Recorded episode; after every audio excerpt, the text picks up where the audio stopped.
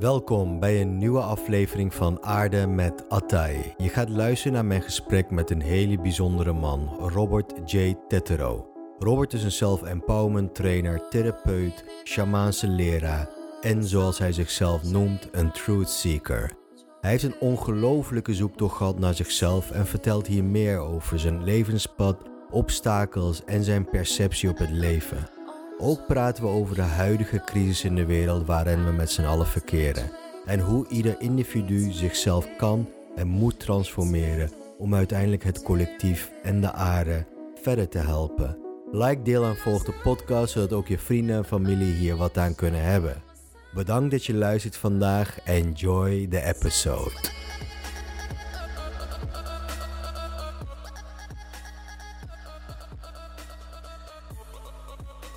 Allereerst hartelijk welkom nogmaals, Robert. Ja, dank je. Jade Tetero. Ja. Waar komt je naam vandaan? Goeie vraag. Eh, als je het hebt over mijn naam. Ik, ik, eh, ik val onder heel veel namen.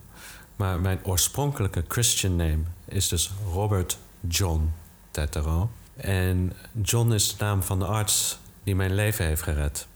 Omdat ik bijna tijdens mijn geboorte ben komen te overlijden. Mijn moeder was met mij gevallen.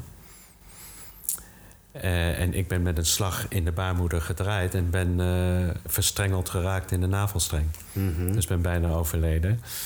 Die arts heeft me weer eh, extern weten terug te draaien. Maar dat zat wel in nood. Het kindje zit niet in de baarmoeder. Oh, mami is gevallen. Nee, mami wil me dood. Dat denk je niet, maar dat is de indruk die ineens... Je gaat dood. Je bent in een symbiose met je moeder. Right? Ineens gebeurt er iets. En hoe dat in mijn leven voor een effect heeft gehad... was dat, dat ik altijd me, mezelf op moest offeren. John, dus dat zat in die na- naam verworven. Eh, ik moest altijd dankbaar zijn voor anderen om te mogen leven. Mijn bestaan ging altijd door dat wat ik voor de anderen deed. Maar ten koste van mezelf. Dus die frequentie, die vibratie, die paste gewoon niet meer bij mij. Dus toen ben ik gaan zoeken. En ook de numerologische configuratie van Robert John Tetto komt op een 8. En 8 is een nummer van eh, lot. En eh, Destiny. ja, ja. Dus dat zijn mensen die behoorlijk veel eh, karma op hun schouders dragen. Eh, eh, te zijn gekomen op deze aardbol om eh, een beetje hun karma een beetje af te betalen, om het zo te zeggen. Dus om, om het mij een beetje makkelijker te maken, heb ik gezocht naar een naam dat op een betere frequentie lag. Maar ik wou die J erin houden. Jade, J-A-D-E, kwam niet op een goede numerologische configuratie.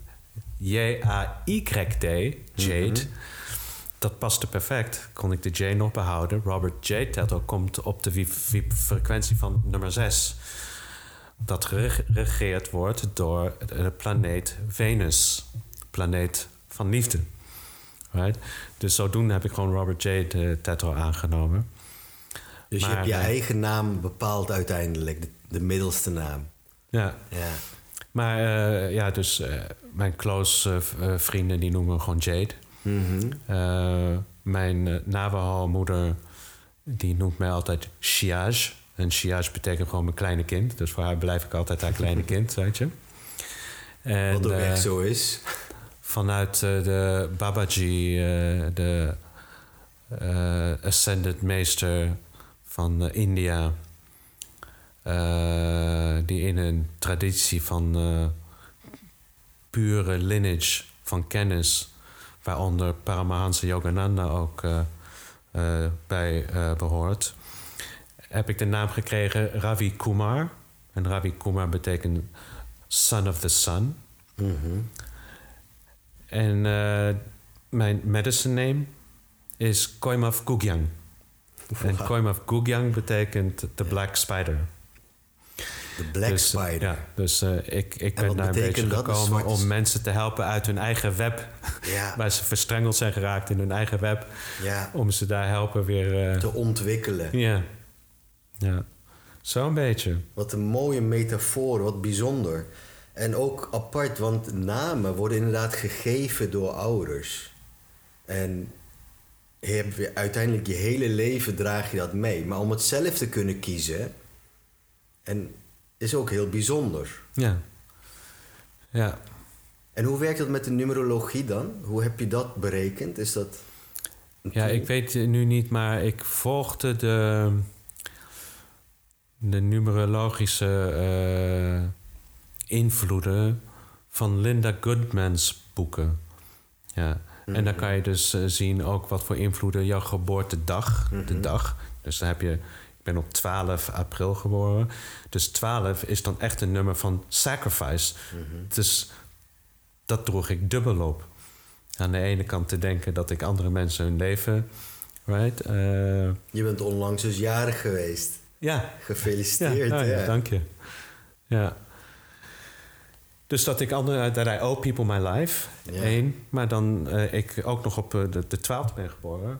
Wat dus letterlijk een, een nummer is van, eh, van eh, opoffering. Mm. Dus eh, ik dacht, nou, eh, ik hoef mezelf nu niet meer zo opofferen zoals Ja. ik dat vroeger heb gedaan, omdat ik daar echt onder heb geleden. Ja. ja, dat is heel mooi. Misschien om daar ook eh, straks verder diep op in te gaan. Dus eh, de persoonlijke ontwikkeling, de, de lasten die op onze schouder wordt gelegd en waar we uiteindelijk ons van moeten ontwikkelen, wordt ook uiteindelijk je missie. Wat je hebt gemist, wordt je missie, wordt Ja. ook vaak gezegd. Ja, Hè? klopt.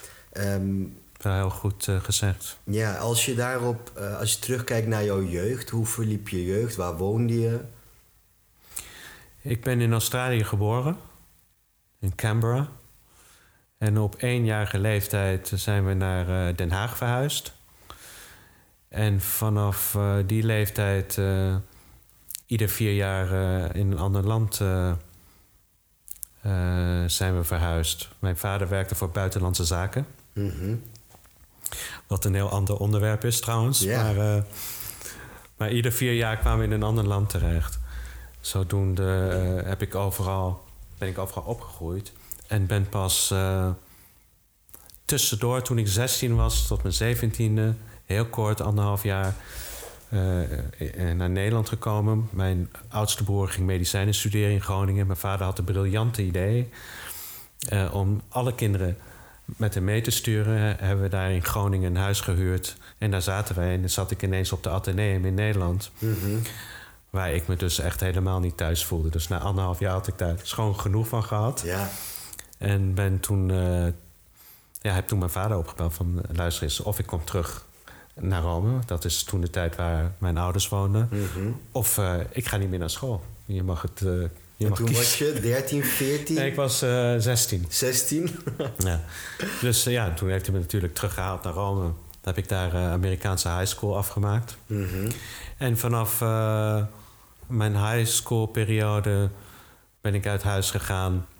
En heb ja, echt de, de, zeg maar de traditie van, van reizen heb ik eh, gewoon do- doorgezet. Ik ben de rest van mijn leven alleen maar blijven reizen. Als een nomade.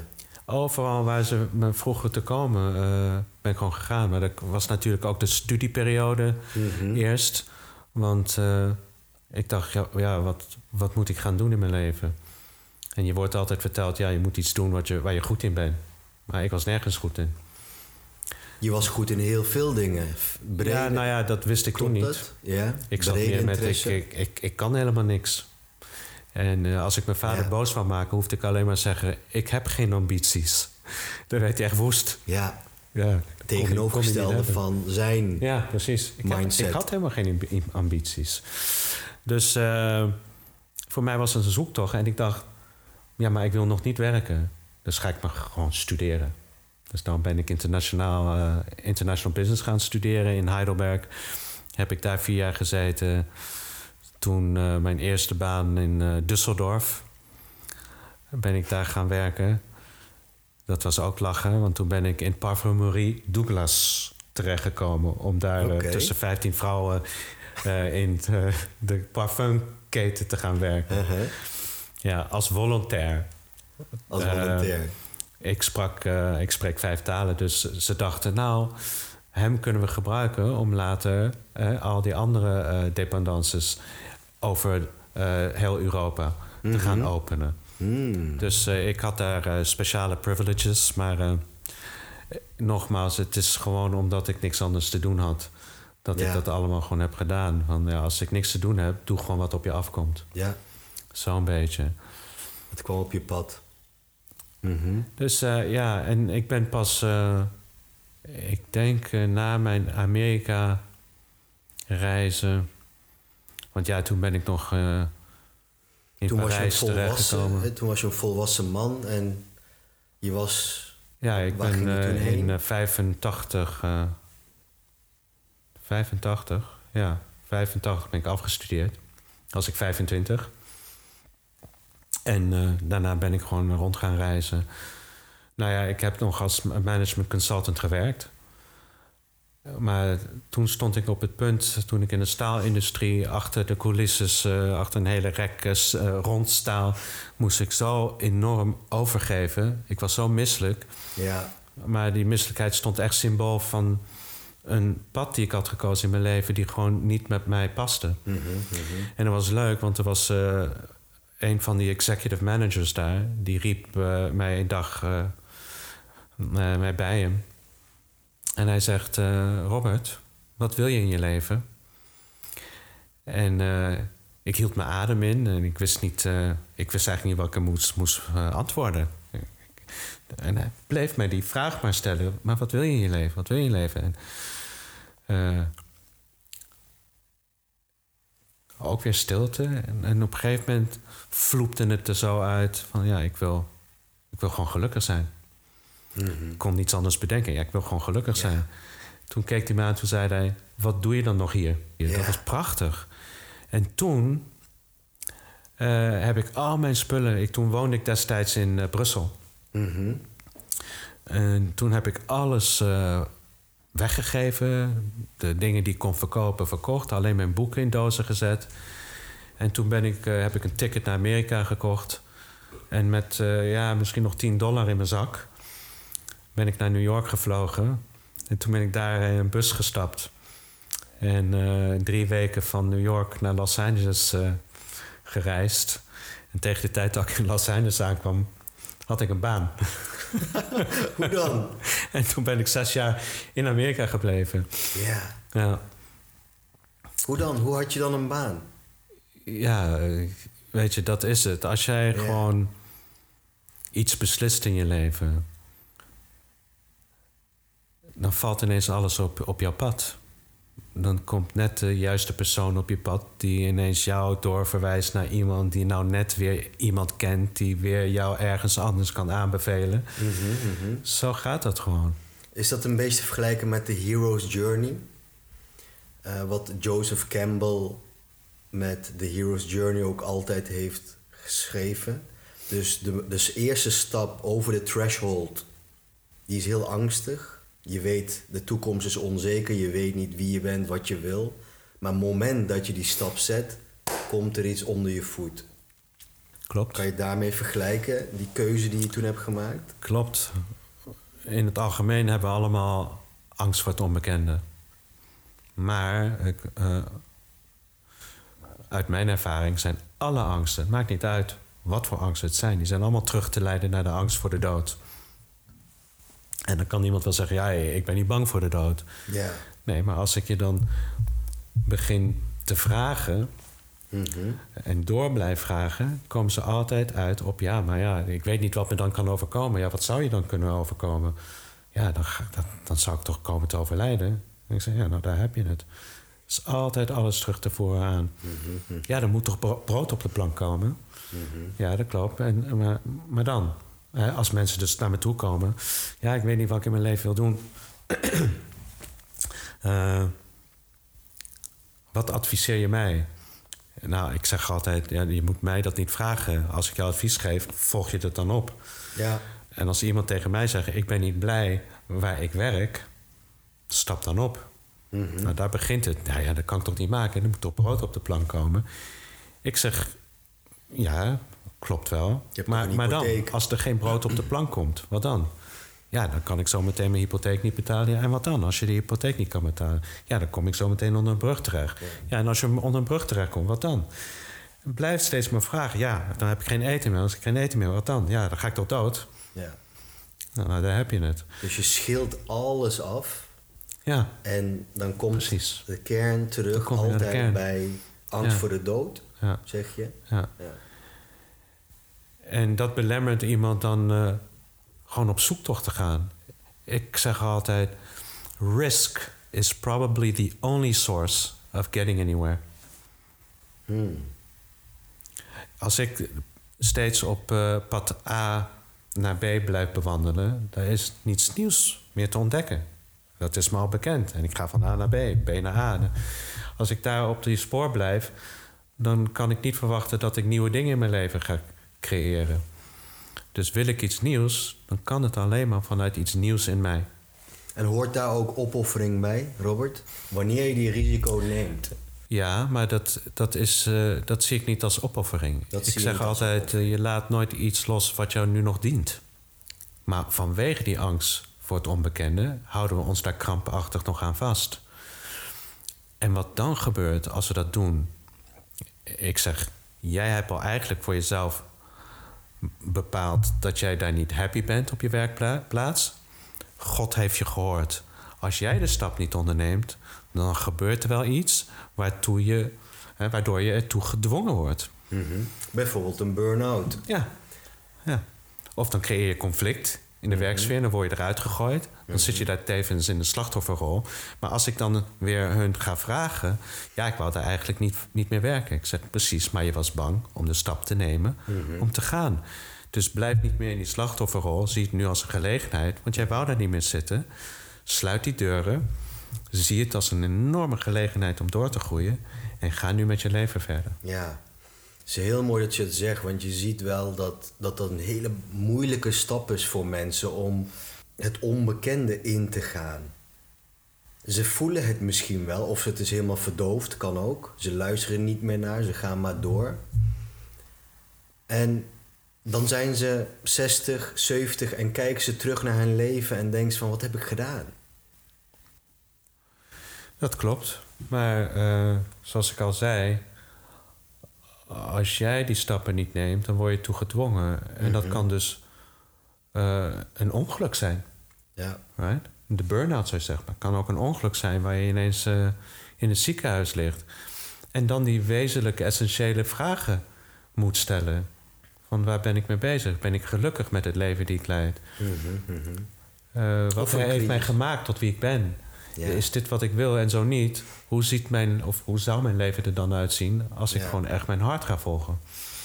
Daarom in die interview hè, met Frans zei ik ook... ja, nu roepen we allemaal volg je hart, volg je hart. Ja, doe dat maar even. doe het maar, exact. Omdat er veel, veel te veel obstakels ervoor zitten... Mhm. dat de meeste mensen niet eens weten wat ze willen.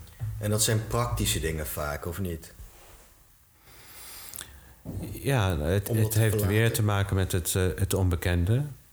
Waarom zijn we zo gefixeerd hè, in, in de veiligheid? Nu met wat er in de wereld gebeurt, zie je maar dat het dat er helemaal geen veiligheid is. Dat het altijd schijnveiligheid is geweest. Dus de veiligheid moet je altijd in jezelf vinden. Zodanig vertrouwen hebben dat je weet, als dit het niet moet zijn, komt er altijd wat moois op mijn pad. Ja, En dan kan je met opgeheven hoofd altijd verder. ja. En niet denken, ik heb gefaald. Nee, dit helpt je nu verder te ontwikkelen. Mhm. De courage Ja. om die stap te zetten. En als we terugkijken naar jouw verhaal, dus dat was een moment waar je toen bij de staalfabriek, dat die man tegen je zei: Wat doe je hier dan nog? Dat was een ommekeerpunt, dat raakte jou. En zijn er nog andere punten in je leven waarin je iets hebt meegemaakt wat jou heeft geleid naar de mens die je nu bent? Hè? ja. Nou, ik denk vanaf mijn vijfde levensjaar... eh, is wel heel bizar. Ik, ik heb wel hele, hele duidelijke herinneringen... eh, van mijn verleden. Ook nog verder terug Ik was heel nostalgisch, heel verdrietig. Ik kon dat niet verklaren. Je denkt niet over dingen na. Weet je, dan ben je vijf. Ik heb mijn eerste relatie. Ben verliefd op een meisje. Op je vijfde? Ja. Wauw. Wij, wij, zoenden al. En ik vond, ik vond die, die- toen al, toen de ouderen naar ons keken, dacht ik altijd: wat zijn dat voor mensen? Wat een idioot allemaal. Ze snappen het niet. Ja. Ze begrijpen niet. Laat mij hier lekker tong zoenen. Ja, ja. En hun allemaal: oh, hoe schattig, wat mooi. Kijk eens. Nee, ik was gewoon verliefd. Neem dat alsjeblieft serieus. Ja. Weet je wel? En, eh, en daar al, op die leeftijd, dat ik mijn jaloezie ontdekte. Omdat zij ineens een poes in haar handen had. En dat poesje te veel zat te aaien. En ik daar boos over werd. En ik schopte die poes weg. Ja, ja. En dat was zo bepalend. Want als je dat dan al hebt... eh, ook natuurlijk niet over nadenkt waar dat vandaan komt. En, en dat verwerk je pas veel later in je leven. Als je ziet dat het een patroon is. Ik was oerjaloers, Ja. weet je. Dus eh, ik had altijd het gevoel dat de wereld waarin ik leef op zijn kop staat. Alles is anders dan, dan het is. Zo'n gevoel had ik al. Ik had altijd het gevoel van oorlogen. Er is geen enkel oorlog gerechtvaardigd. Oorlogen, dat was voor mij heel duidelijk. Oorlogen worden ontketend. They are staged. En dat is mij nu allemaal bevestigd. Ja. De mensen die ik allemaal heb ontmoet. Maar goed, dus ik, ik voelde me daarin ook enorm slachtoffer. Want ik voelde mij gevangen. Ik was enorm verdrietig. En dat, eh, dat speelde door eigenlijk mijn hele leven tot eh, rondom 1995... ik de boeken van Carlos Castaneda heb opgepakt. Ik kan er zo iets over vertellen. Ja, maar ik, ik ben dus echt op zoektocht gegaan. Als jonge jongetje eh, ben ik op zoektocht gegaan. Naar de de vragen. liefde speelde een rol. Ik heb me heel erg bezig gehouden met de dood al van jongs af aan. Toen we vanuit... eh, in Griekenland heb ik een oorlog meegemaakt. Een revolutie tegen Papandreou. Dat was, weet ik veel, dat was in... eh, Zeven. eh, 66, misschien 67. En je hoorde de, de bommen vallen. En dat we onze schoolgebouw moesten ontruimen.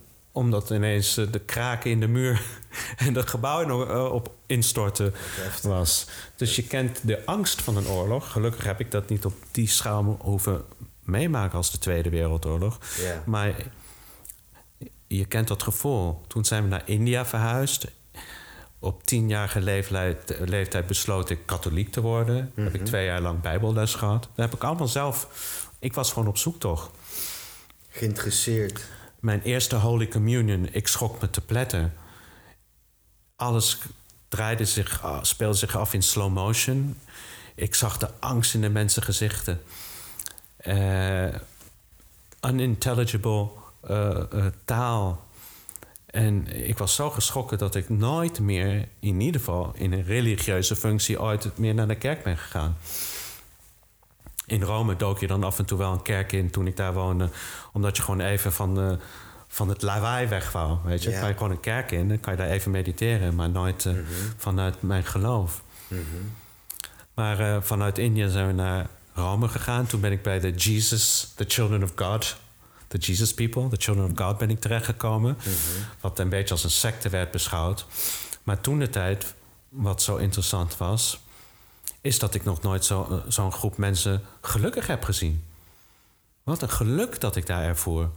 Zo'n... eh, oh, do you, want, do you want Jesus in your heart? Weet je wel? En dan doen ze een ceremonie waar ze Jezus jou in je hart eh, geven. Weet je? En, en het leven als een celebration meegemaakt. Maar iedere keer als ik daar uit de, de poorten liep, kwam gewoon de werkelijkheid van de wereld weer keihard op mijn dak vallen. Dus ik wist ook dat dat, dat dat het ook niet was. Dus ben ik nog verder gegaan. Een hele wezenlijke ervaring, wat dus bijdroeg aan mijn boeken naar Carlos Castaneda. Ik was ongeveer 14. Ik stond bij, eh, bij een stoplicht. En ik schoot ineens in een alternatieve bewustzijn. Alles ging weer in slow motion, speelde zich in slow motion af. Tijd en ruimte speelt daar geen rol meer. Ik hoorde alleen nog een zoomgeluid. Ik hoorde niks meer. En ik draaide zo mijn hoofd in slow motion naar links toe. En zag een vrouw door rood oversteken. Het ging Mhm. allemaal in slow motion. Ik zag van de periphery of my vision een auto aankomen. Schepte die vrouw en ze vloog.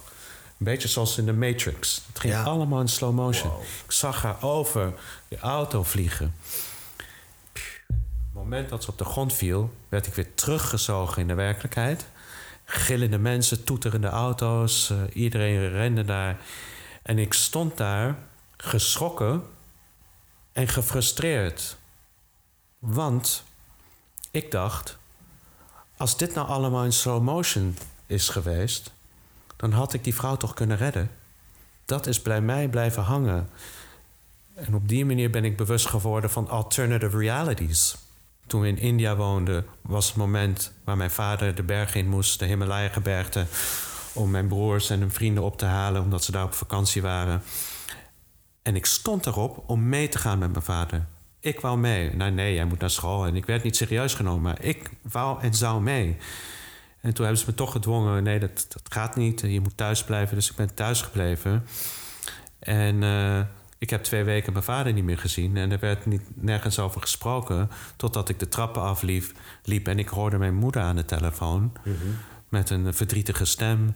Weet je, ja, ja, ik kom je zo snel mogelijk bezoeken, weet je wel. En toen ben ik naar beneden gelopen. Is, waar is papa?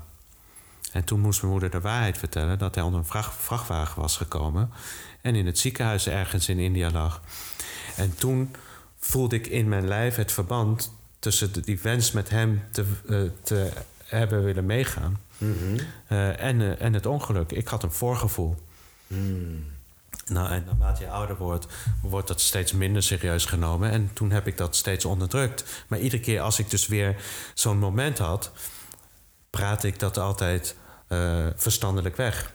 En dan gebeurde continu inderdaad dat wat ik voelde zou gebeuren. Een soort visioen eigenlijk. Ja, Waarin eh, de tijd en eh, de ruimte stilstaat. Of dat je een keuze hebt ergens. soms is het niet eens een visioen hoe ik dat, weet je, de, de, de plek en de plaats op het tijdstip waar een ongeluk gebeurt, moet je voorstellen wat voor energie daar samen, samenkomt. Explosief energie. En dat is wat ik in mijn lijf voel. En dan reageer ik. Het voelt, het wrikt in mijn lijf, waardoor ik moet reageren. Ik eh, zat een keer in een bus met mijn rug naar de chauffeur, kijken naar de 40 mensen die ik voor me had. En ik zat hun een verhaal te vertellen. Ik werkte als gids. En toen had ik weer zo'n gevoel. Dus ik draaide me om, was die chauffeur achter het stuur in slaap gevallen. Dus als ik dat niet had gevoeld, waren we allemaal, eh, waren we allemaal eh, er geweest. Er was een heftige ongeluk gebeurd. Ja. En zo heb ik ook echt bewijs dat ik heel veel mensen op die manier hun leven heb gered. En nu heb ik te, en de laatste keer toen ik had gezworen altijd naar mezelf te luisteren, is dat ik weer een gevoor, voorgevoel had dat mijn vader weer iets zou gebeuren. En ik rationaliseerde het weer weg. En het volgende hoorde ik gemuffelde geschreeuw. Hij was van het dak gevallen. Hij probeerde zich, hij viel van de trap, maar de trap onder hem, hij probeerde zich te stutten met zijn armen. Dus die trap op zijn armen en hij op de trap. Dus hij zat vast met zijn gezicht in de modder. Dus hij kon alleen maar Ja. gemuffelde. En toen ik daar naar bu- buiten liep, toen was ik echt boos op mezelf. Dat was het moment dat ik had gezworen altijd naar mezelf te luisteren. Nooit meer, al, al zou het niet zo zijn, maar het kan puur alleen al de uitkomst van een nabij toekomstige gebeurtenis al veranderen, alleen maar doordat ik iets zeg. Ja. Heb je misschien het bewijs niet voor dat je iemand, maar het doet er niet toe. Ik moet mijn intuïtie volgen. En, en Zo belangrijk daar, is dat daar dus. had ik echt dat schuldgevoel van, ja, dit heb ik zo vaak gevoeld en niet meer naar mijn intuïtie geluisterd. Ja. Waardoor ik, eh, Ik denk dat dat misschien ook te maken heeft, Robert, met... Want ik geloof daar absoluut in. Dat wij ehm, bepaalde eh, gevoelens doorkrijgen over dingen die kunnen gebeuren. Bijvoorbeeld als je een ongeluk maakt. De pa- laatste paar seconden kan je heel goed... Alles vertraagt. Inderdaad, net als bij de Matrix. En dus de anti-gravity in deze atmosfeer, er gebeurt iets. En omdat wij zelf ook een laadpaal zijn van energie en vibraties, Ja, klopt helemaal. Kun je dat al aankomen voelen. Maar omdat we zo ge, ehm, losstaan van onze intuïtie Ja. en gevoel, Ja. en dan, dat we dan denken: oh, maar wacht even, ben ik dan gewoon bang of maak ik me daar zorgen om? Stel dat je zegt tegen je kind: niet van op de trap gaan, dan kan je vallen. Dus dan maak je je zorgen. Maar je voelt iets van nee, als zij nu de trap op gaat, dan gaat ze vallen. Hoe kan je daar een onderscheid in maken tussen zorgen maken en die intuïtie? Ik zeg altijd, volg je impulsen. Dan hoef je geen zorgen te maken. Kijk, als jij je al zorgen maakt, is dat al een signaal dat je moet luisteren. En hoe je daarmee omgaat, is wat anders. Maar ik kan gewoon tegen... Nou, mijn zoon, mijn oudste zoon, die weet gewoon hoe ik in elkaar zit. Dus hij belt me gewoon op om te checken. Is dit nu wel het moment om te vliegen of zo? Hé, hey, ik ga parachute springen. Is dat oké? Right? Dan, denk ik, ja, dat moet ik voelen. Ik zeg, ja, you're good.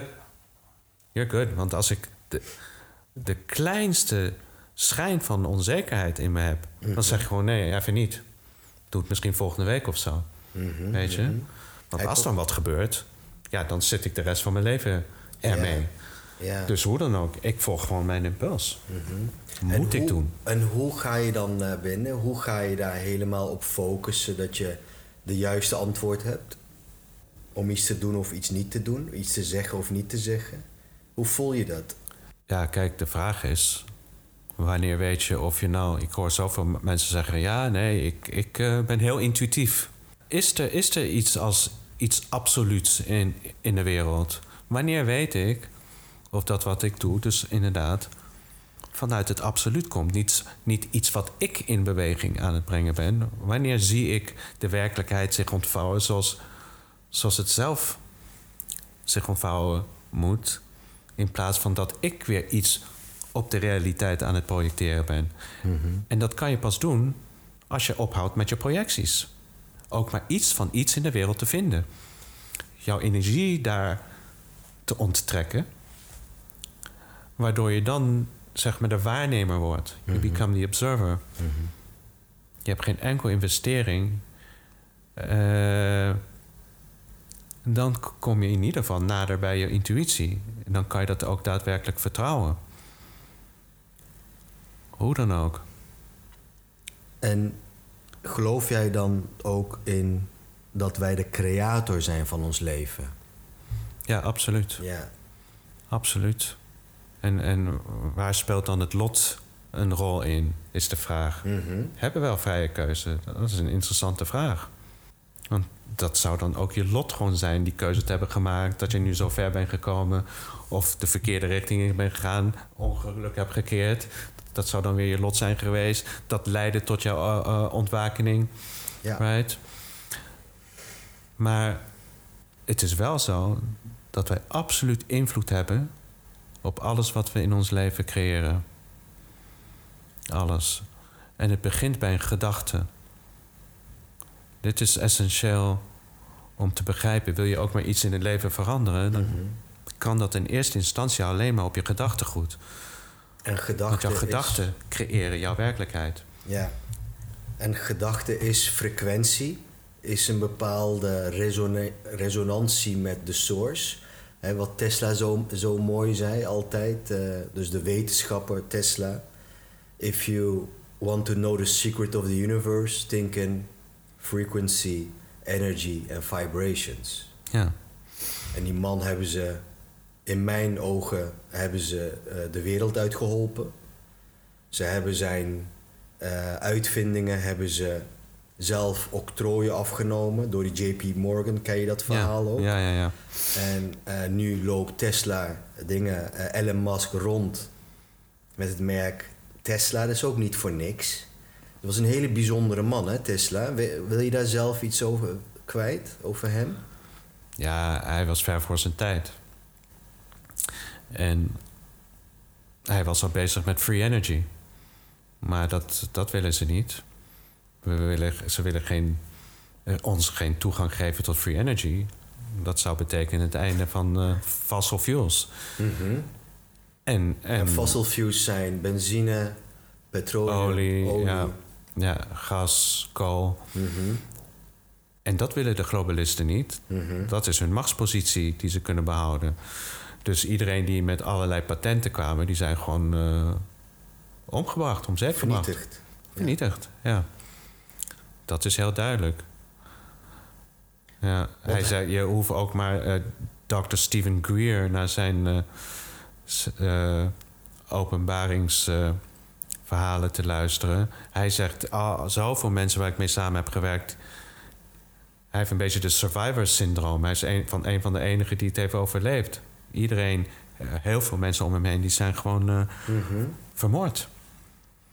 Die hun verhaal deden in eh, de psyops waar ze mee betrokken waren, de geheimdiensten, wat ze allemaal.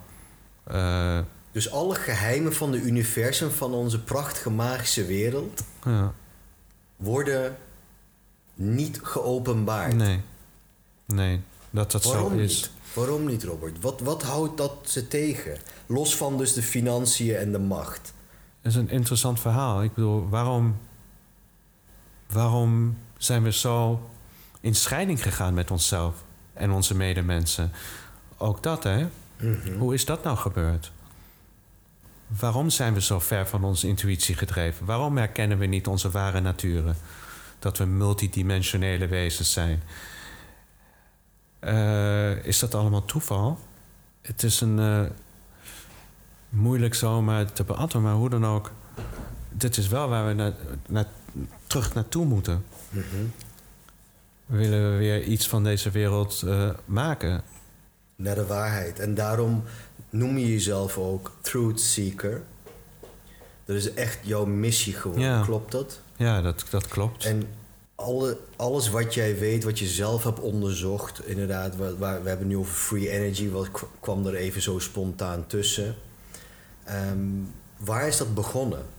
Waar ontdekte je van, wacht even, wat ik voel, wat ik kan en wat ik zie, komt niet overeen met wat de globalisten de wereld creëert voor ons.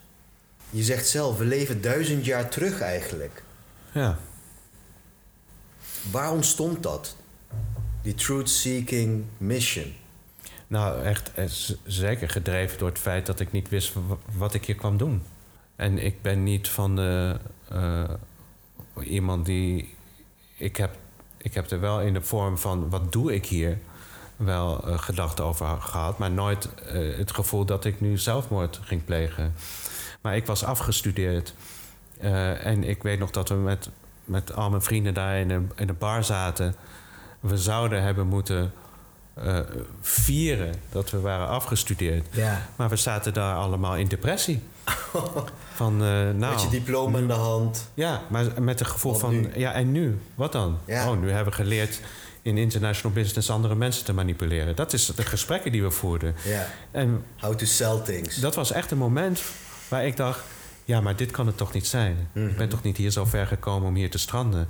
Er moet er toch- toch iets meer zijn? Dat was het moment waar ik dus echt bewust die zoektocht heb, eh, eh, heb opgenomen. Mhm. Bij de boeken van Carlos Castaneda terecht ben gekomen. Hele controversiële figuur. Een antropoloog die in, eh, op de Universiteit van UCLA heeft gestudeerd. En voor zijn thesis eh, zijn ervaringen wou documenteren met een Noord-Mexicaanse eh, sorcerer, Don Juan. En tot de dag van vandaag twijfelen mensen überhaupt eraan of hij daadwerkelijk wel onder leer is gekomen van deze Don Juan Matus, die sorcerer of ancient Mexico. Maar in die boeken vond ik mezelf, omdat ik al als kind allerlei ervaringen heb gehad, waakdromen, eh, in alternatieve bewustzijnsniveaus terecht ben gekomen, wat eh, Carlos Castaneda in zijn boeken omschreef. Interessant. Dus ik kon me daarmee identificeren. En die verhalen die speelden zich allemaal af in Amerika, in, eh, in Arizona en eh, Noord-Mexico. Waar jij ook hebt gewoond, hè? Een tijdje. Ja. Dus en grappig genoeg, op een gegeven moment eh, kom ik daar terecht, waar al die boeken zich afspeelden. En kom daar in aanraking met vrouwen en mannen met kennis. Ik zeg gewoon people of knowledge. die, die ineens hun, hun eh, kennis met mij eh, zijn gaan delen. Is dat de Hopi-stam? Ja, onder andere, maar ook met de Sioux, eh, met de Navajo.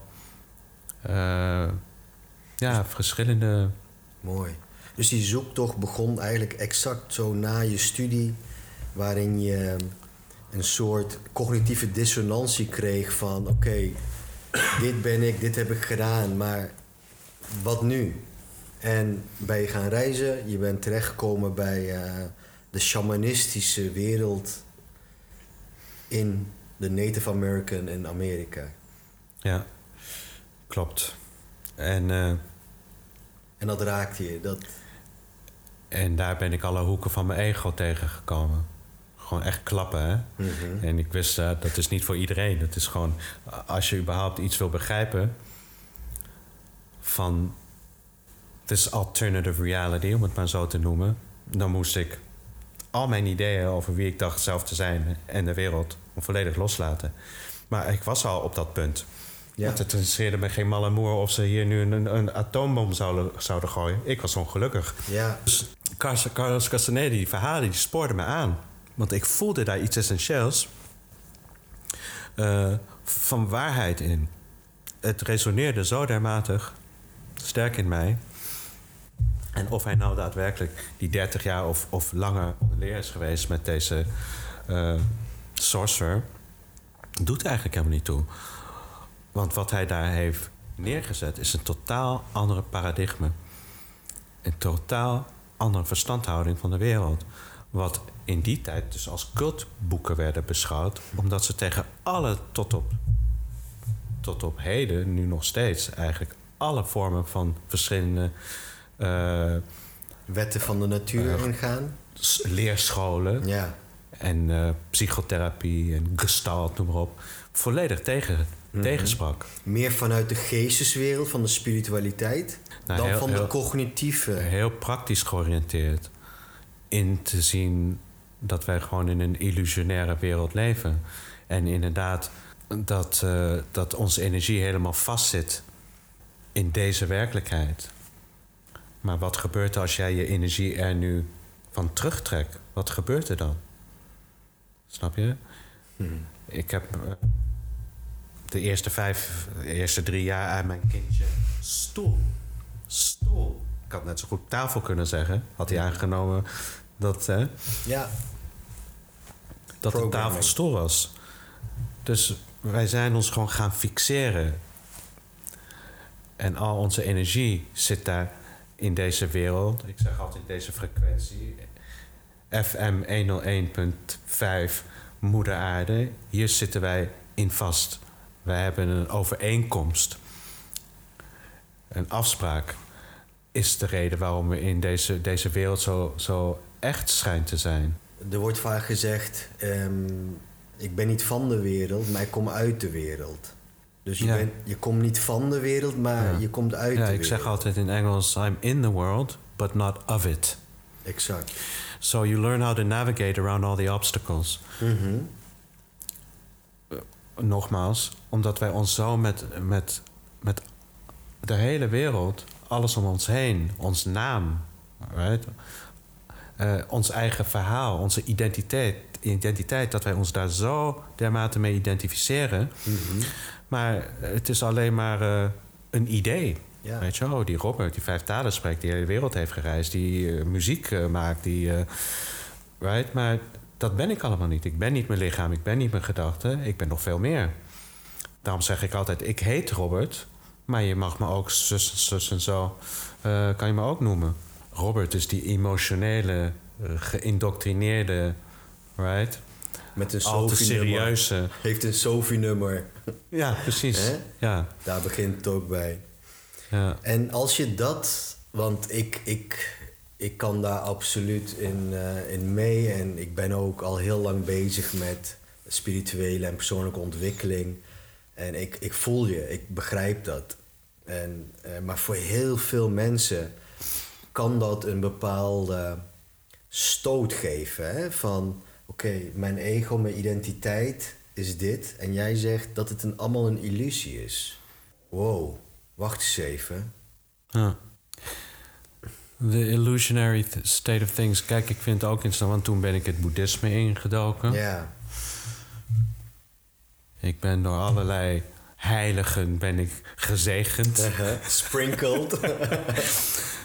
Nou, ben ik wel blij om, ja. om maar zo te zeggen. Maar ben dus de, kwaad. de leer van de boeddhisten eh, ingegaan, het boeddhisme. Ja. En vanuit het boeddhisme zeggen ze ook precies hetzelfde. De wereld is een illusie. Er gebeurt hier buiten jouzelf helemaal niets. Het is puur en alleen hoe jij iets waarneemt. Dus daarom zeg ik, word de waarnemer. Zonder jouw identificatie, dat betekent projecteer je niets meer. En dan zie je pas de wereld voor wat het werkelijk is. Als ik ophoud er ook maar iets van te vinden.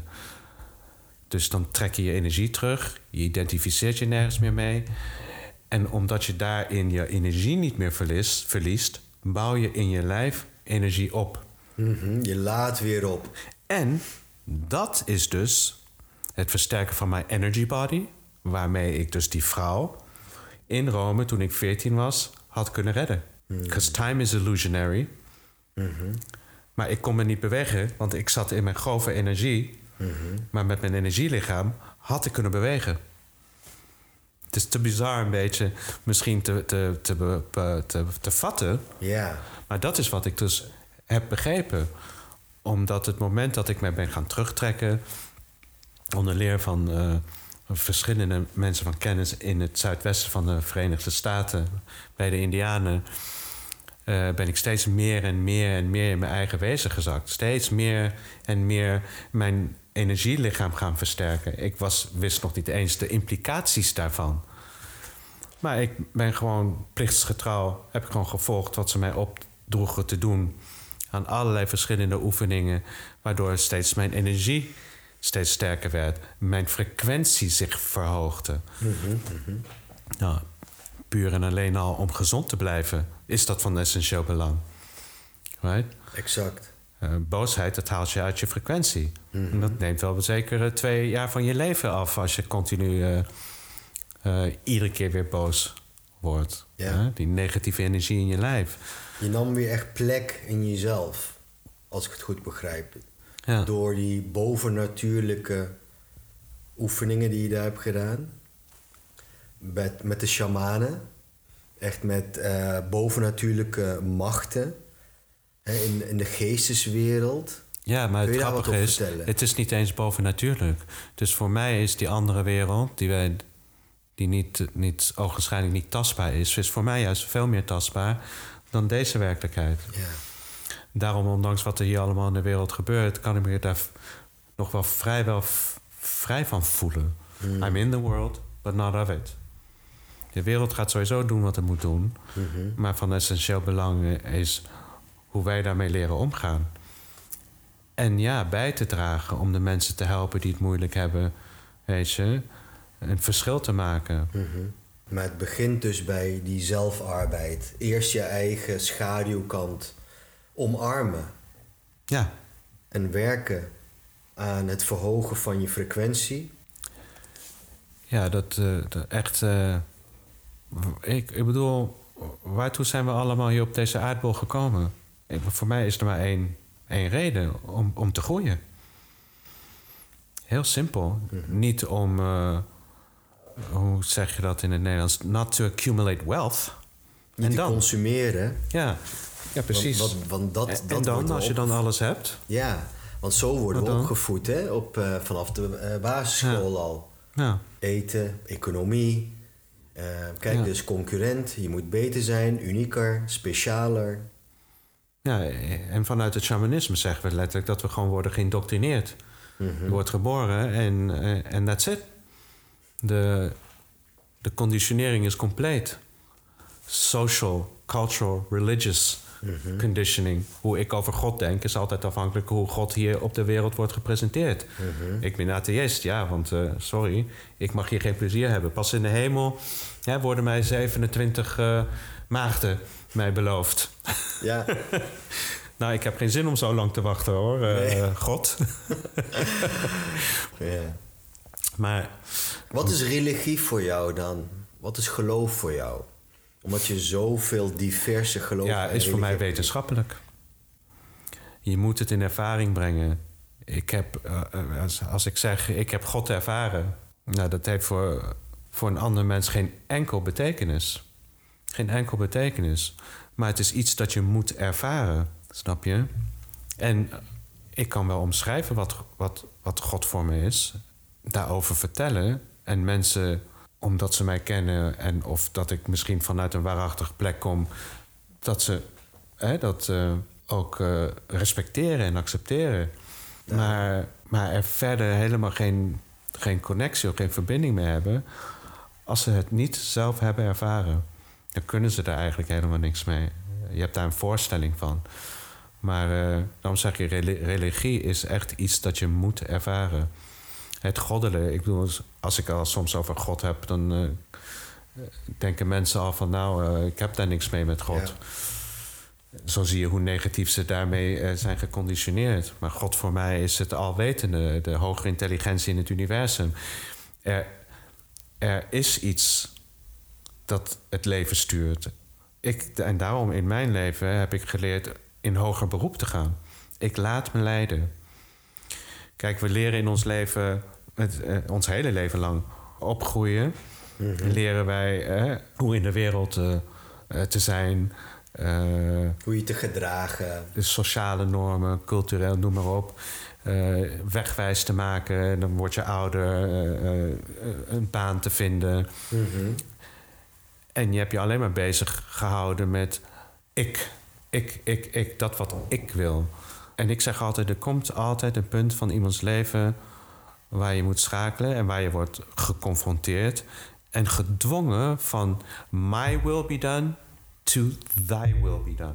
Dus dan word je ineens, nadat je alles hebt geleerd hoe te functioneren in de wereld, wordt je dan gevraagd een sprong te maken en je over te geven aan een hogere macht.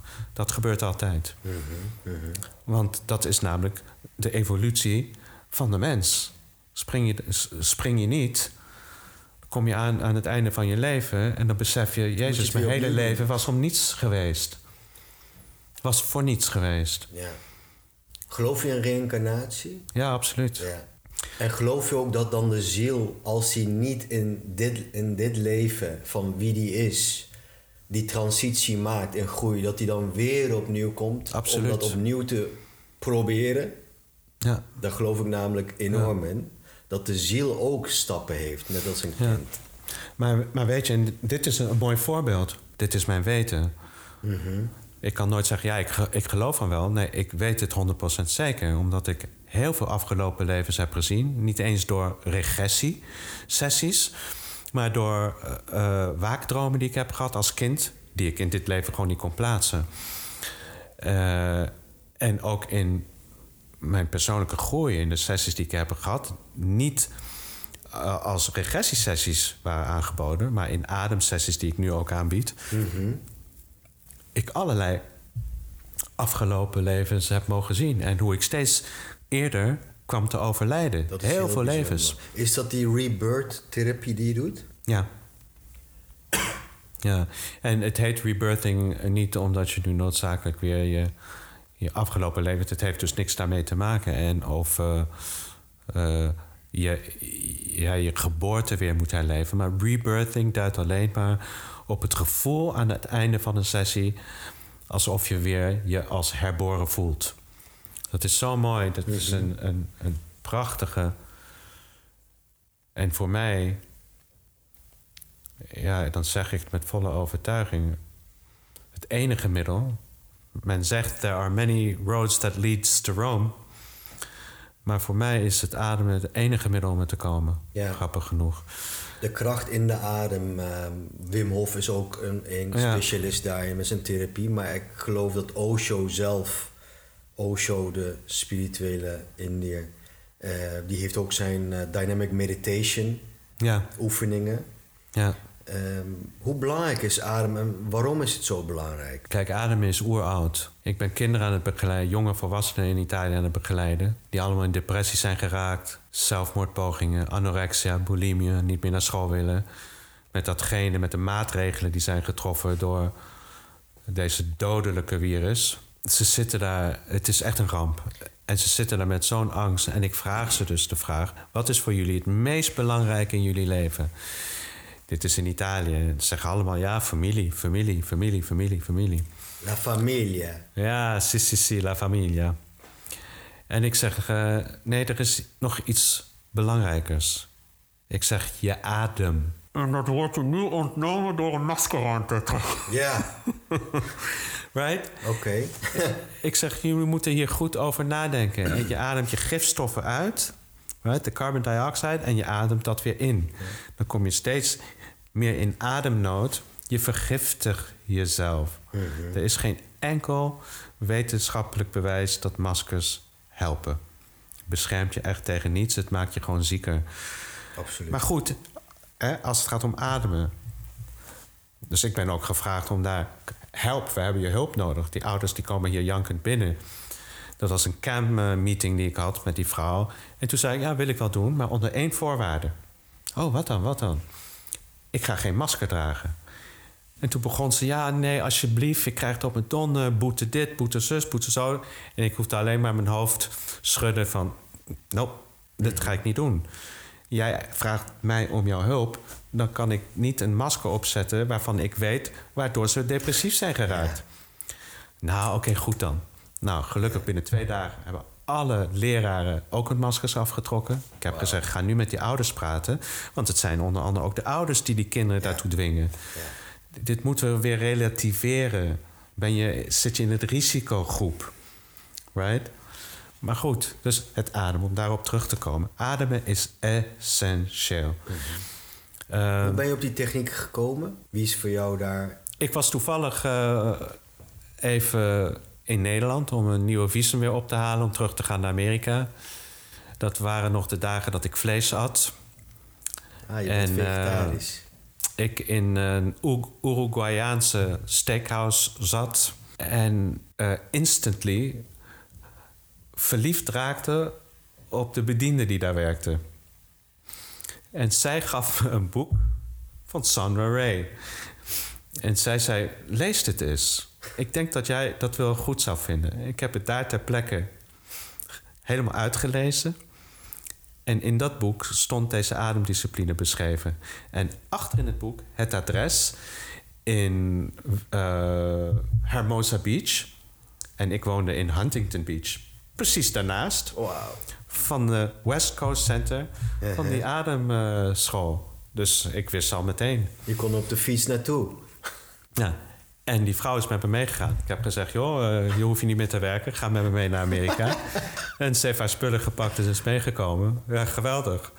Ja. Uh, geweldig. En ik ben daar meteen uh, naartoe gegaan. Ja. En mijn eerste sessie wist ik voor het eerst in mijn leven wat ik wou doen. Dat was deze vorm van ademhaling aan de mensen geven. Want het is de meest effectieve, simpele, veiligste manier om volledig weer in je eigen kracht en autonomie te komen. Kun je daar een voorbeeld van geven? Hoe, hoe een korte demonstratie.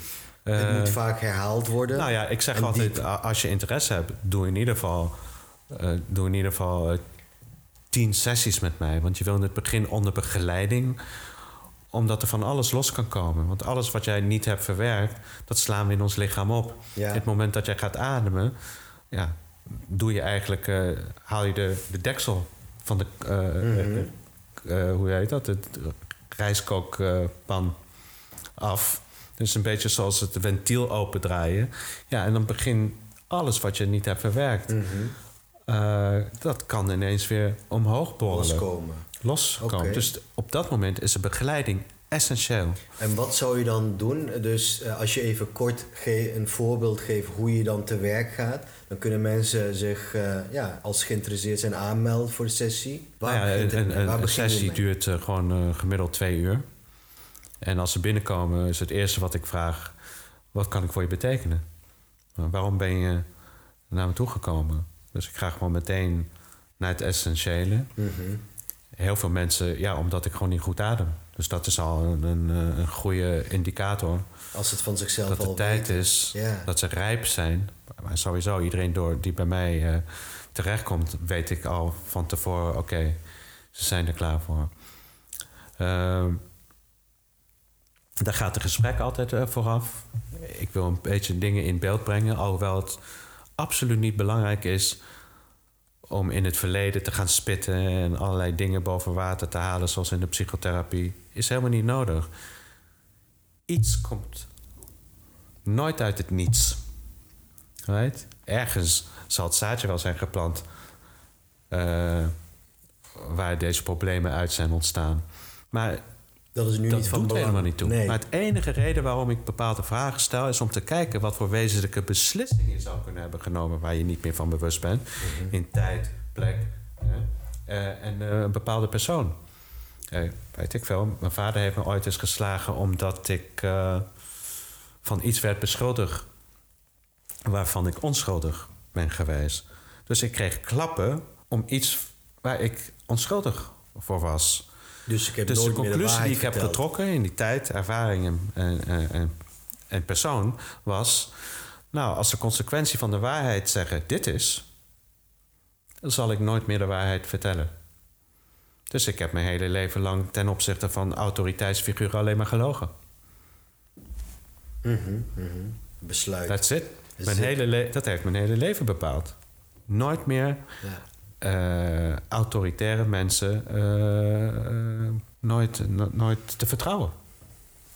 Maar goed, dus te kijken naar die wezenlijke beslissing die we hebben genomen. Want die beslissingen, waar we misschien niet meer van bewust zijn, die bepalen nog steeds hoe ik eh, in, dit, wereld, in de wereld sta. Right? Daar ben ik mijn gedrag op aan gaan passen. Right? Dat is toen mijn geloofsovertuiging geworden. En onder die wet ben ik blijven leven. Dus ik had altijd met alle banen die ik heb gehad, altijd conflict met eh, de autoritaire, Met de managers. met de, ja, met de eh, leiding. Ik had altijd bonje met politie. Ik, probeer, ik pro- provoceerde ze ook nog eens. Ik lokte het ook echt uit. Ja, ja, want ik was aan het rebelleren. Ja. Wat mij betreft eh, waren ze allemaal the worst names of the book. Ja. Dus, en daarna gaan we ademen. Mhm. Weet je, maar ik help ze ook het verband zien, vanuit de patronen te kijken. Eh, waarom doe ik de dingen zoals ik ze doe? En waaruit zou dat kunnen ontstaan? ik, een heel groot aspect van, van het bewust worden is dus ook eh, te kijken naar de invloed van geboorte. En als ik het heb over geboorte, dan heb ik het over conceptie, de prenatale invloeden, de geboorte zelf, de transitie van het bekende naar het onbekende en de eerste mensen die je hebben opgevangen. Nou, als dat voor jou traumatisch is geweest, ra, ra, ra, waarom je dus het onbekende niet vertrouwt. Daar heb je het al. Ja. Daar komt het vandaan. Dat we bang zijn voor het onbekende. Want ja, onder de beste omstandigheden ben je gewenst. Je bent in een symbiose met je moeder. 24 uur womb service. Ik hoefde mijn eten niet te kauwen. Right? Centraal verwarming. Hot milk. Heerlijk. Dat is eigenlijk waar de mens nog steeds naar snakt. Dat gevoel is er nou niet iemand die me alles geeft wat ik nodig heb. Die inziet als ik in de problemen zit. Weer in, in die Walhalla. Ja. Weet je, in de bliss. Ja, helaas, eh, nee. En toen kwam de onvermijdelijke pijn van mijn geboorte. Dus ergens, diep in ons psyche, zit altijd het gevoel van... ja, maar je weet maar nooit. Ja? En daar zijn we zodanig op ingesteld... dat altijd wel wat gebeurt. Hè, mijn vader was ook zo. Ja, maar je weet maar nooit. Hè? Je moet altijd wat geld op, eh, op zak hebben. En je moet altijd zorgen dat je goed verzekerd bent. En dit en zus en zo. Huisje, boompje, beestje. Zekerheid. En ik was juist altijd het tegenovergestelde. En dat hij eh, ook eh, een keertje in een ruzie mij voorhield dat ik een niets was. Je bent een niets. Bent- En ik, eh, ik vond het altijd geweldig een niets te zijn. ja. Echt waar? ja. Ik zei, Heerlijk. ik zei altijd tegen jou, ik, heb, ik, had, ik had nooit ambities. Ja, en dat ja. vond hij verschrikkelijk. Och, Ja. wat moet hem dat woedend hebben gemaakt, zeg. Ik was bezig me te ontkoppelen van deze wereld en wie iedereen wou dat ik, dat ik was. Ik wou mijn eigen identiteit vinden. Mhm.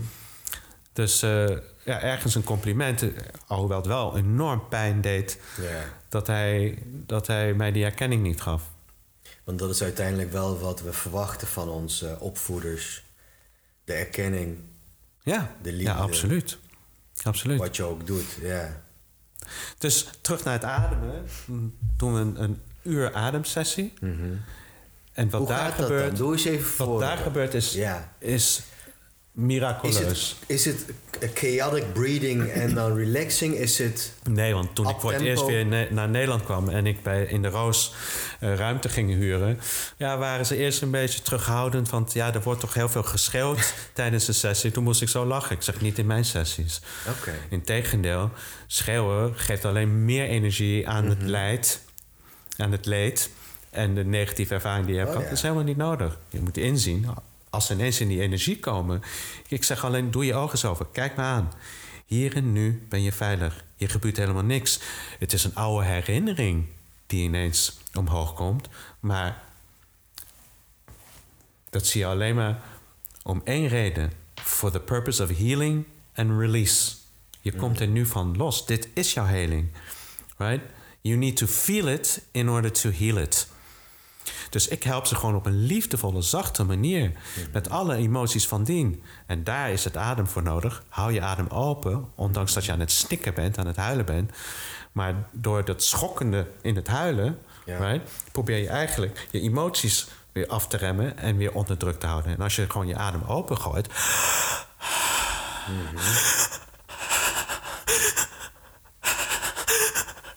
krijg je golf van golf Ja. van opgeslagen energie die de trauma steeds blijft veroorzaken.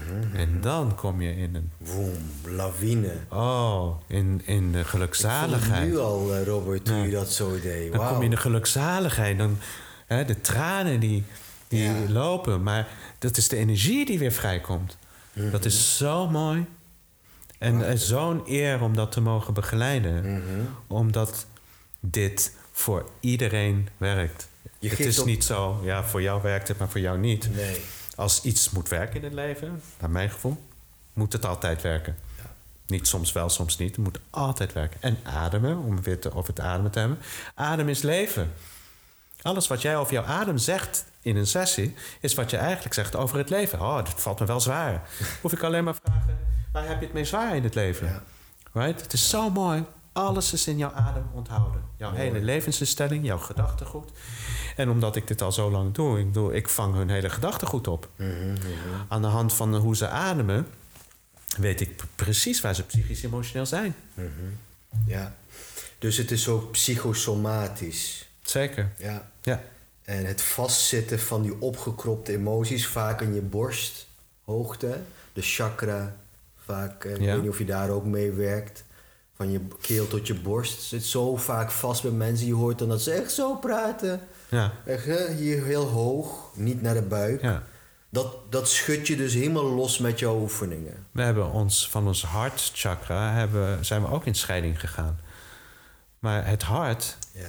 is het meest belangrijke orgaan eh, van, je, van je lichaam. Het brengt dus de lagere chakra's en de hoge chakra's samen, waaruit het hart een magneet wordt. Het is een oscillator. Daarom de cliché: volg je hart.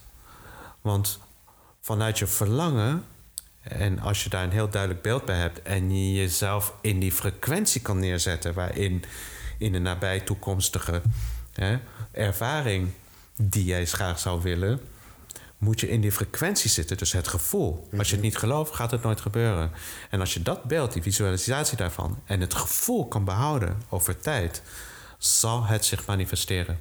Maar je zegt nu gevoel, dus je moet het eigenlijk weten dat het er is. Niet denken, Ja. voelen. Want het gevoel is de energie, de frequentie waarin jij jezelf moet neerzetten, waarin manifestatie mogelijk Ja. is. En ik denk dat mensen heel vaak daar een misvatting in maken. Dat als ze ergens in geloven, dat dat alleen maar met de mind is. Maar je moet het voelen, weten. Ja. Het is niet genoeg alleen maar eh, erover te denken. Ja. En daarom komen heel vaak mensen... Ja, ik zit al zo lang in een niet. liefdevolle partner... een liefdevolle liefdesrelatie, volwaardige liefdesrelatie eh, eh, eh, te wensen. Waar is die prins op de witte paard? Precies.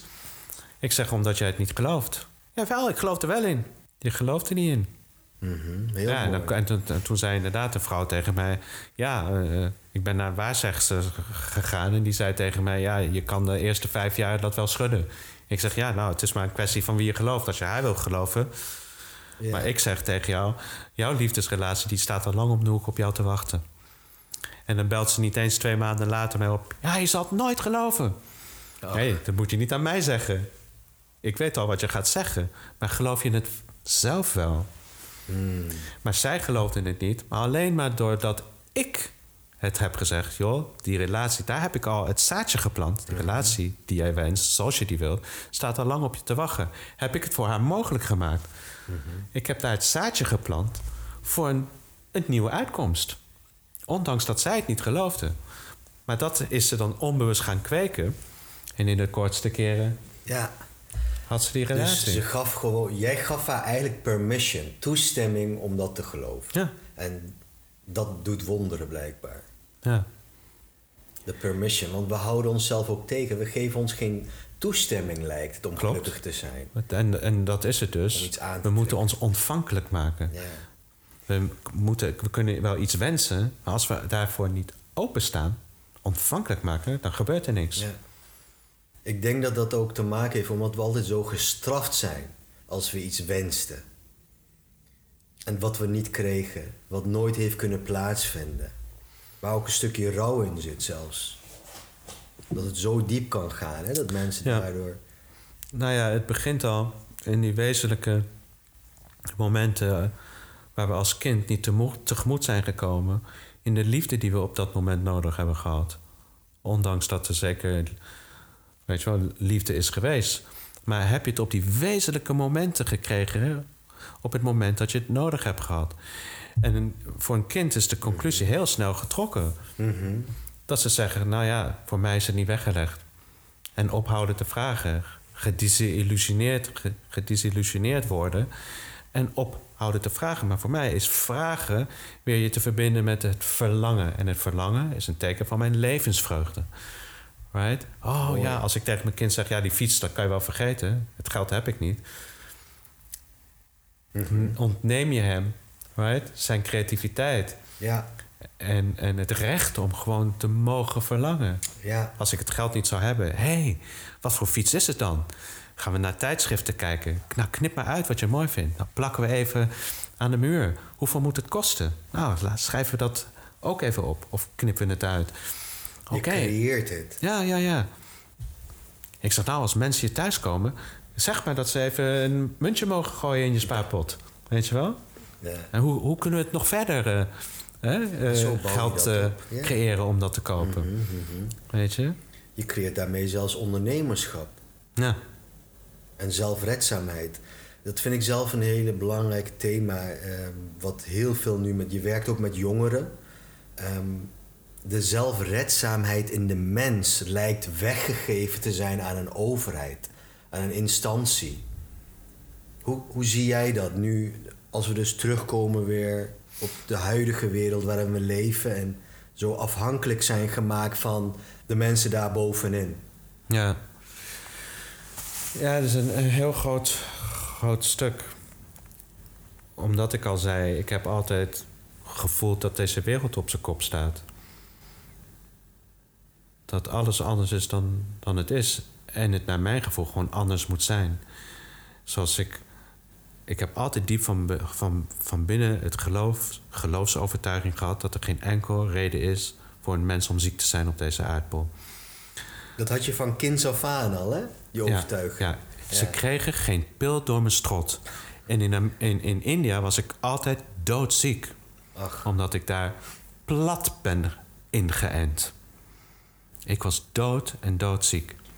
Maar ze kregen geen pil door mijn strot. waarom Omdat- ben je plat ge- ingeënt daar in India? Nou ja, eh, Angst eh, voor polio, whatever? nou ja dat, dat was normaal.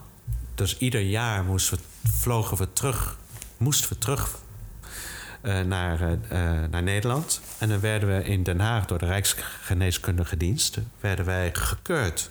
Werd je helemaal doorgelicht, helemaal eh, onderzocht. En toen werd je volgepompt met cholera, met tyfus, met polio. En heel vaak in India werd je uit de klas gehaald. En dan moest je in de rij gaan staan.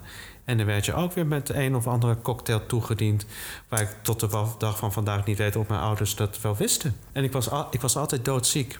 Het is wel zo dat ik, dat ik nooit had begrepen... ja, waarom alleen maar ik dan? En niet mijn broers en zus. Ik heb pas relatief kort geleden door, ik denk, eh, ik denk Dr. Bruce Lipton. Ik denk dat hij het was. Bijzondere man. Die in een interview zei: Ja, luister, het, het, het meest belangrijke eh, voor het ontwikkelen van je immuun zijn je amandelen. Want die neemt, die neemt, zuigt gewoon alles op en gaat daar al antistoffen tegen. eh, tegen Amandelen? Ja, je amandelen is je first line of defense. Ja, en mijn amandelen zijn eruit gehaald. Van mij ook. Ja, ja, dus dat wist ik niet. Jouw amandelen zuigen alles op en gaan daar al antistoffen tegen eh, opbouwen. Dat als inderdaad een virus bij je binnenkomt, Mhm. eh, het meteen de stoffen daartegen he- heeft, de antistoffen, om het te bestrijden. Dan reageren. Ja, is logisch ook eigenlijk. Ik zei En clean. toen viel bij mij het kwartje van Ja. nee, nee, nee. Want voor India waren we in Griekenland. Right? En Nederland, waar ze mijn, mijn amandelen eruit hebben gehaald. Omdat ze ontstoken waren. In plaats van te begrijpen waarom zijn ze ontstoken en daar al te kijken Mhm, en mij de goede eh, supplementen te geven, was helemaal niks aan de hand geweest. Maar dat was ook weer iets normaals. Ja, ontsteking, amandelen, ja, eruit halen. Ja, ijsjes eten Nou, daarna. Je kan toch in een auto de autofilter er niet uithalen? Weet je wel? En dan denken dat je nog goed functioneert. Ja. Het is, het is een bende wat ze, wat ze allemaal doen. Wat ze allemaal aan het doen zijn. Ik bedoel, Ja. ja, het is normaal dat eh, alle mannen vanaf 45 jaar last zullen krijgen van een prostaat. Dat vinden ze allemaal normaal. Uh-huh. Eh, nee, Ho- hoezo gebeurt dat? Oh, één op de vijf vrouwen riskeren een baarmoederhalskanker. Eh, nee, hoezo? Wat is dat allemaal voor onzin om dat allemaal te gaan normaliseren? Mhm. Dat is onzin. Ja, Flauwekul. alsof dat hoort bij de mensheid. Alsof Ja. dat erin is gezet. Maar dat is dus niet zo. Dat komt dus door de medicijnen die zijn toegediend. De ziektes. De vaccinaties. Ja. Dus dan heb je het over de oorlogen. Ik heb nu laatst een, een zakenman eh, ontmoet. Een hele aardige vent. Echt zo'n integere man. En je zou hem kunnen veroordelen, weet je wel. Want hij zegt, ja, ik, eh, ik lever alle partijen in een oorlog... met alles wat ze nodig hebben om oorlog te voeren. dus, die, dus die vent is schat helemaal rijk. Nou, moet ik hem veroordelen? Nou, de wereld is zoals het is. Als hij het niet was geweest, had iemand anders het gedaan. Ja. Right? Dit is wat hier in de wereld gewoon gebeurt. Tegen mij. Ja. Hij zegt, Robert, ze zullen... En over de ze, dat eh, kunnen we ook wel over hebben, maar is niet nodig. Maar ze zullen er altijd voor zorgen dat er minimaal 25 oorlogen altijd eh, op de wereld eh, gaande zijn. Big business. Big, big business. Dus eh, nou, kijk naar het educatief systeem. Weet je, kijk naar de bedrijfswereld. Ik heb dus, en dat, dat is dus dan het positieve kant van het feit dat ik business heb gestudeerd en een tijdje als management consultant ben gaan werken. Want ze hebben het over, we hebben zoveel miljoen verlies geleden. Wat een onzin. Waar baseren jullie dat op? Uh-huh. Ze zijn alleen maar met nummertjes aan het goochelen. Mhm, mhm. Weet je? En het gaat alleen maar steeds om meer en meer profijt en meer winst en meer en meer, meer en meer en meer. In wat voor een samenleving leven we nou? Weet je? Gedreven eh, om maar te moeten presteren, te functioneren. Weet je? Wanneer gaan we nou eens ooit naar binnen? Right? Wat ik leuk vind, is dat ik eigenlijk ook een beetje weer terug ben gekomen in het met elkaar uitwisselen. Mhm. Dus ik moest, eh, ik moest een kroon op een, een tand eh, geplaatst krijgen. En eh, die tandarts die vroeg aan mij... zullen we uitwisselen met ademsessies? ik zeg, ja, ja, barter tuurlijk. deal. Ja, ja, barter. Bartering, just like in the old days. Ja. Dat vind ik zo mooi. Weet je, dat, dat maakt mij zo blij. Ja. En heel vaak als mensen dus tegen me zeggen... van ja, ja, er moet er op brood op de, klank, eh, op de plank komen... dan moet ik altijd lachen. Want ik denk altijd, dat zeg ik dan niet tegen hun... jullie moesten, eens, eh, moesten, eh, jullie moesten eens weten. Omdat ik zoveel zonne, zonder een enkel beetje geld heb gedaan. Zoals ik zei, in Amerika met 10, 10 dollar nog op zak... Ja. daar in de bus ben gestapt. Right? Mhm. En in Los Angeles op een gegeven moment, toen de dollar drie gulden waard was, verdiende ik 6000 dollar per maand. Wauw. Van 10 euro in mijn zak. En ik Ja. werkte maar acht maanden per maand. In die vier maanden huurde ik een pick-up truck. En dan ging ik eh, de woestijn in op zoek naar, eh, naar mezelf. Naar jezelf. Prachtig zeg. Ja, Dus die zelfredzaamheid, ehm, dat is wel de essentie ook om hieruit te komen. Naar binnen gaan en vertrouwen hebben in dat je een weg vindt. ja, En dat het pad zich voor jou... ja. Maar, maar ook, want dat ook vertrouwen, hè, dat is zo'n groot woord. Ja, ver- vertrouw nou. Als ik al het bewijs heb niet te vertrouwen. Right? Osho heeft dus een boek geschreven, dat eh, beveel ik iedereen aan te lezen. Dat heet Courage, The Joy of Living Dangerously. Mhm. ondanks je angst, weet je, je, je loopt op de rand van de afgrond, maar je hebt je nog nooit zo levendig gevoeld als ooit in je leven, right? Mhm. Je moet het risico nemen. You need to burn your bridges. Dat betekent, er is geen terugweg. Er is geen terugweg. No way back. Ik zeg altijd, dan lukt het altijd. Altijd. Want er is geen andere Nee, weg dan voorwaarts. weg meer. Ja. Dan pas gebeuren de dingen. Mhm. Ik werd uit huis gekuierd, om het maar zo te zeggen. Mijn broer, zijn vriendin, vond het niet zo leuk dat ik daar zat. Ik was weer even uit Amerika terug. En ja, mijn broer die, die stond natuurlijk achter zijn vrouw. En toen ben ik uit huis gezet. En toen liep ik door Amsterdam met mijn koffertje heel zielig te doen. Ik wist begot niet waar ik heen moest. En toen kwam het stemmetje in mijn hoofd. Ik was wel goed op weg in mijn spirituele groei. kwam het stemmetje in mijn hoofd. Jij wou toch vrij zijn? Dan moet je ook vrij van je familie zijn. Hmm. Toen was het over en ik, was, ik ben niet iemand die om hulp vraagt. Maar ik had maar één telefoonnummer. Dus om drie uur s ochtends heb ik gewoon die persoon gebeld. Die nam, niet toevalligerwijze, weet je wel. God in action. Meant to be. Ze nam op. Ja. En ja, kom maar langs. Daar ben ik daar drie weken gebleven. Weet je, en ja, dan zie je weer alle de deuren die ineens open gaan. De volgende dag ben ik vroeg, was het mijn verjaardag. Zat ik aan de Amstel op een bankje. Mhm. En toen kwam, dat was heel vroeg in de ochtend, kwam een man langslopen. Hij zag me op het bankje zitten. Hij zegt, wat doe je daar? Ik zeg, ik vier mijn verjaardag. Alleen? Ik ga naar een vriendin. Die is ook nu jarig. Kom en vier met ons mee. Wauw. Dus ik ben met hem meegegaan. Het was een, de Latin community in eh, Amsterdam. En twee weken daarna heb ik mijn eerste training gegeven aan hun, een hele groep van 20 man, eh, in Nederland voor de Latin American community. Hoe prachtig is dat? Wat gaaf zeg. Weet je wel? Ja, dat soort dingen. Daarom zeg ik, laat je leiden. En ondanks dat je bang bent het onbekende tegemoet te gaan... je weet, dat kan hoogstwaarschijnlijk met je geboorte te maken hebben. Mhm. Ik durf te wedden voor iedereen. Maar ondanks je angst, maak, maak de stap. Dive deep. Ja. En ik zeg tegen hun, dat is niet een belofte dat het goed komt. Ik garandeer je dat. Promises are meant to be broken. But I Exactly. say, I guarantee you. Want er zijn gewoon wat universele wetten waaronder wij leven. En als je die begrijpt, dan is er maar één, één, één weg. En dat is voorwaarts te gaan. Hij zei, uh, always forward, never straight. Weet Heel je? mooi, ja. De ene beslissing voert je naar het andere voert je weer naar het andere. Het is nooit een kwestie van, oh, ik ben bang dat ik het verkeerde beslissing neem. Uh-huh. Nee, er is alleen maar beslissing. En als je die beslissing niet had genomen, had je hier niet ontdekt dat dit misschien niet hetgene is waar je naar zocht. Maar leidde je wel naar het volgende. So we need to move. Als je niet in beweging komt, dan eh, zit daar geen enkel groei meer, eh, Mhm, mhm. groei meer, groei meer in. Hele mooie, hoopvolle, wijze woorden, Robert. Hartelijk dank. Ja, dankjewel joh. Ik heb enorm Ja. genoten van je Ja, wijsheid en je kennis. Ja. En ehm, waar kunnen luisteraars je vinden? Dus voor je trainingen, om even iets te sturen. Waar kunnen ze je vinden met je connect? En mijn eh, website is mana, mana source. Dubbel N. Ja, dubbel N-A, livesource.com. manalivesource.com. Mhm. En je e-mailadres? Je E-mailadres is Robert, met 1 B, R-O-B-E-R-T, at manalivesource.com.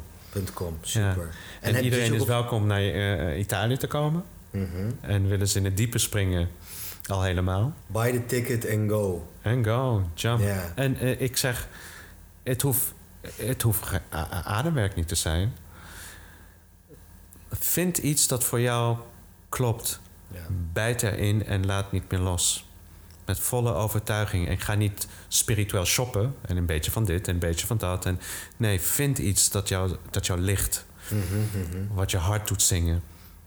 En, en laat niet meer los. Je moet in datgene wat je, wat je doet investeren. Of wat je beter maakt, investeren. Nooit zeggen, want dat is het gevaar van de ego. Dan heb je een paar jaar je werk gedaan. Dan komt ineens de ego, nou, ja, zie je, het heeft helemaal niet geholpen. Kijk, je zit nog steeds in de, in de oude hè, shit. Dat is altijd het gevaar. Die ego wil je weer terugduwen in je oude patroon. Ja. Dat zijn eh, super-ego-stemmen in je hoofd. Daar moet je geen gehoor aan geven. Als ik dit niet had gedaan, had ik hier nu niet gezeten. Blijf investeren, geef het niet op. En ik zeg altijd, ik zal door blijven groeien tot aan mijn laatste ademtuig. Prachtig, prachtig. En hopelijk duurt dat nog heel lang, want wij hebben je echt nodig, Robert. Dankjewel Ja, ik voor het dank, gesprek. ik dank jullie. Ja. Jullie ook, echt super. En heel veel plezier, vreugd Ja, in Italië. ja dankjewel. En hey, waar we ook zijn in de wereld, kom langs. Jullie zijn altijd welkom. Hartelijk dank. Ja. Weet je, We het leven moet gevierd worden. Dat is eh, hoe wij erin staan. Zeker, prachtig, wij ook. Hartelijk dank, Robert. Het gaat je goed. Thank you.